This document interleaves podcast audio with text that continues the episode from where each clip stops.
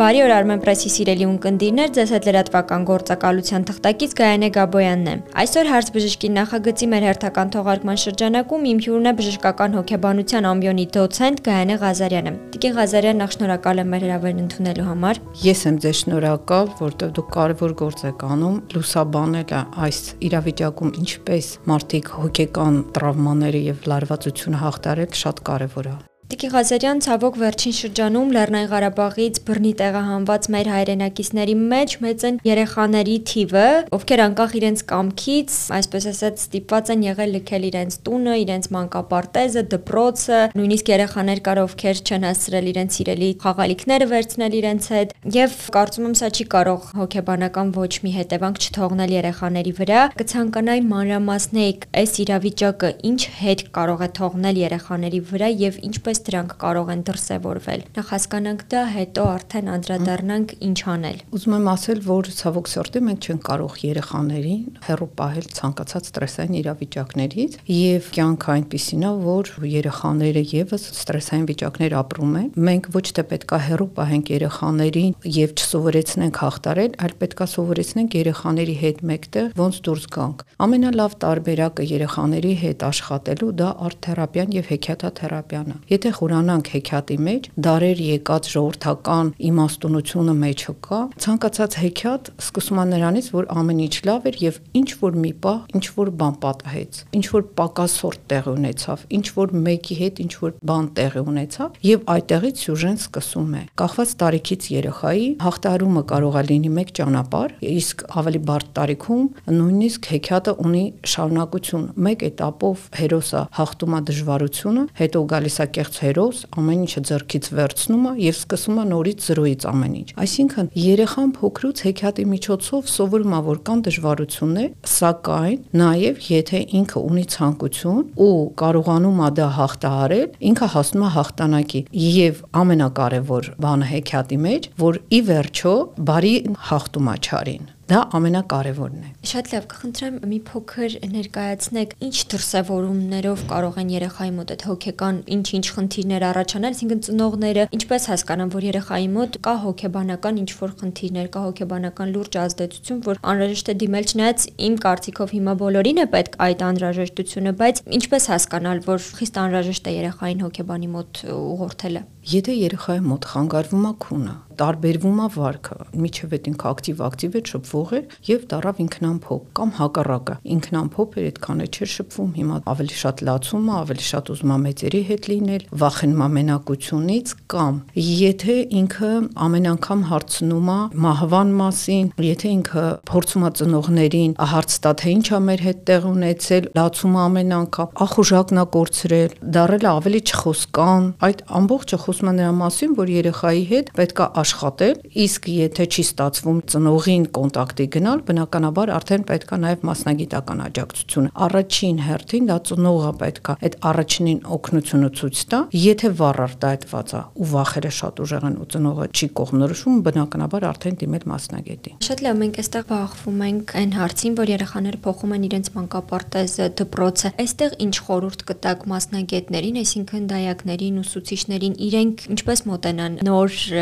միջավայր տեղափոխված երեխաներին, որպիսի կարողանան հեշտ ինտեգրվել, չփակվեն իրենց մեջ, ինչ խորհուրդ կտակ իրենց։ Չեմ ասի, որ պետքա չափազանց շատ ուշադրություն դարձնել երեխային, դա էլ վնասում է երեխային։ Ուշադրություն պետք է, բարյացկամություն պետք է, իհարկե, եւ պետք չի շեշտել, որ այս երեխան ով ինչ տրավմատիկ է, որտեղից է եկել, ինչ դժվարություններ է հաղթահարել, ուղղակի ընդգրկել գործընթացի մեջ, նորմալ ոնց է, երբ որ նոր մարդ է գալի խումբ, ոնց են ընդգրկում դայակները, մանկապարտեզի աշխատակիցները ոնց են ընդգրկում խմբի մեջ։ Նույն ձև պետք է ընդգրկվել։ Ոչ շատ չափից դուրս ուշադրությունն էլ կարող է խանգարել երեխային, ինքը մտնի զոհի կարգավիճակի մեջ ու մտածի, որ օ, եթե բոլորը ասում են, որ ես տրավմատիկ եմ, իմ հետ ինչ որ վատ բան ա եղել, միգուցե իրոք եւ երեխան ներշնչվող է, մեծի ազդեցությունը շատ ուժեղ ազդում է երեխայի վրա, դա էլ կարող է վնասել։ Շատ լավ, իսկ ծնողներին, ովքեր որ եւս անցել են շատ դժվարությունների միջով ամեն դեպքում ծնողները ինչպես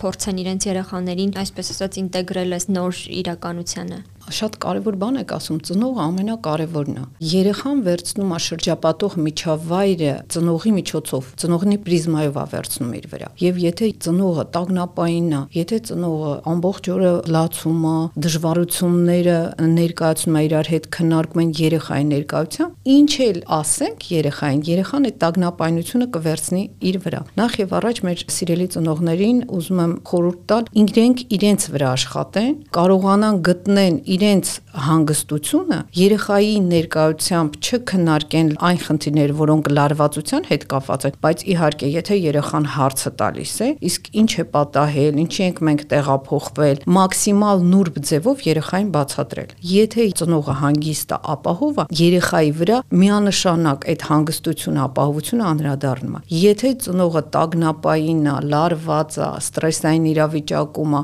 վարքը փոխվել է, ջուրագրկիռը, անմիջապես դա անդրադառնալու է երեխայի վրա։ Պարտադրի լսել երեխային։ Հասկանում եմ, որ տեղահանված մարդիկ հիմա շատ-շատ խնդիրներ ունեն մեր հայրենակիցները, բավականին շատ, բայց նաև պետք է հիշենք, որ երեխան ուշադրություն է պահանջում։ Եթե երեխային ուշադրություն դարձնեն, ոնց որ որ առաջ էր նույնիսկ մի քիչ ավել երեխայի հետ ժամանակ անցկացնեն, նկարեն, հեքիաթներ պատմեն, երեխան կվերցնի այդ ապահովությունը։ Գիտեք, sense մի հատ առանձնահատկություն կա, մենք կյանքում մի քանի անգամ ենք մահվան գաղափարը հասկանում Bueno, առաջինը միջև 8-9 տարեկան մահ հասկացություն չկա, ինչպես հեքիաթում է։ Իրանց թվում է թե վերածնվելու է, ինչ որ ուրիշ ձևա լինելու։ Վերջ հասկացությունը երեխաների մոտ ես չեմ ասի, որ սխալ է։ Հակառակը ճիշտ է։ Ինչ որ բանի վերջ միշտ ինչ որ բանի սկիզբ է։ Եվ դրա համար երեխաները այդ վերջ հասկացությունը չունեն։ Իրանք ավելի շատ վախենում են, ասենք, սիրելի տատիկին կորցնելուց կամ ծնողներին կորցնելուց վախենում են, բա ով ինձ խմնամելու, բա ով ինձ սիրելու։ Այսինքն իրանց մոտ վախը միջնորդավորված է։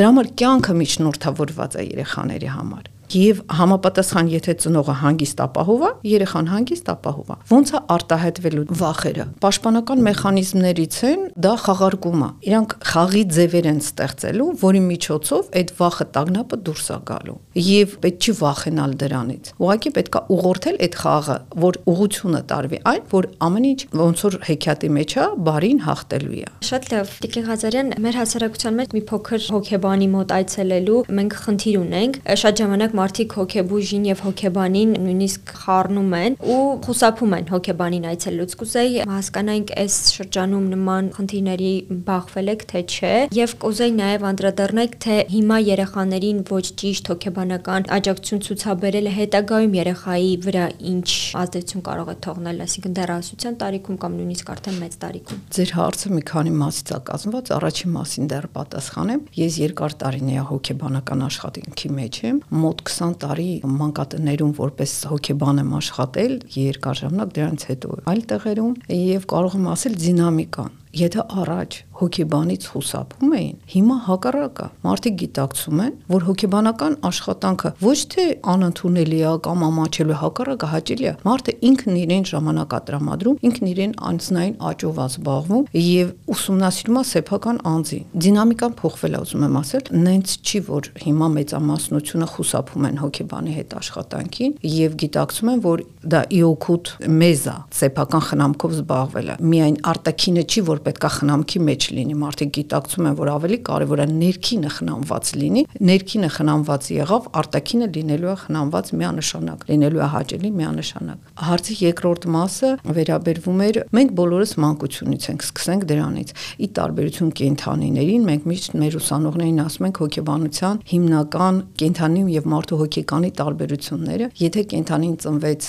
այլ կենթանու միջավայրում, մեկը ինքը պահելու է իր առանձնահատկությունները այդ տեսակին համապատասխան մարդը ի տարբերություն կենթանների կախված միջավայրից իր առանձնահատկությունները, հոգեկանի դրսևորումները փոփոխվում են։ Մենք բոլորս գալիս ենք մեր մանկությունից։ Մեր ֆունդամենտը, եթե վերցնենք մարդուն որպես կառույց պատկերացնենք, ֆունդամենտը, պոտենցիալը, ներքին ուժերը, պաշտպանական մեխանիզմները ամբողջը գալիս է մանկությունից։ Եթե բնականաբար այնտեղ խաթարվի, հետագայում դա անպայման անդրադառնալու է։ Անդրադառնալու է անձնային շեշտվածություններով ծանր, տարբեր վախերով, տագնապներով, նևրոտիկ դրսևորումներով եւ այլն։ Բնականաբար դա շատ կարեւոր է։ Իսկ այս ընթացքում մեր հայրենակիցների հետ շփվելուց բախվել եք նման խնդիրների։ Ժարվել են հոգեբանի աջակցությունից։ Ես չեմ բախվել որևէ դեպքի հետ, երբ որ անհրաժեշտ է եղել հոգեբանական աջակցություն եւ իրանք հրաժարվել են։ Միայն հիմա չեմ ասում, պատերազմից հետո մեր շրջաններ ունեինք, որոնք տեղանված էին, մենք աշխատում էինք մեր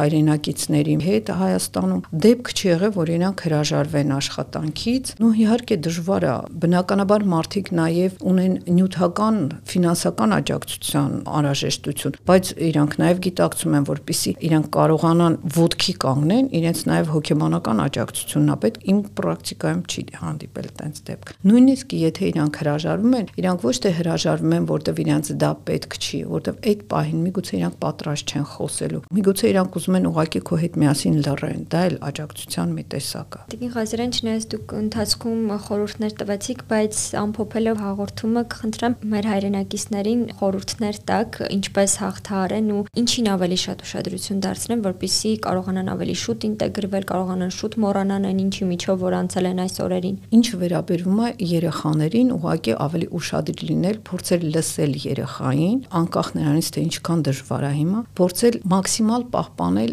օրվա ընթացքը, երեկոյան իրար հետ լինել, հեքիաթ պատմել քննելուց առաջ, փորձել օրվա ընթացքում մի քանի րոպե տրամադրել երեխային իրար հետ ինչ որ բանով զբաղվել, նկարել, ինչ որ բան պլաստիլինով անել եւ այլն, այսինքն աշխատանք տանել, որ երեխան է այդ ապահովությունը զգան։ Ինչը վերաբերվում է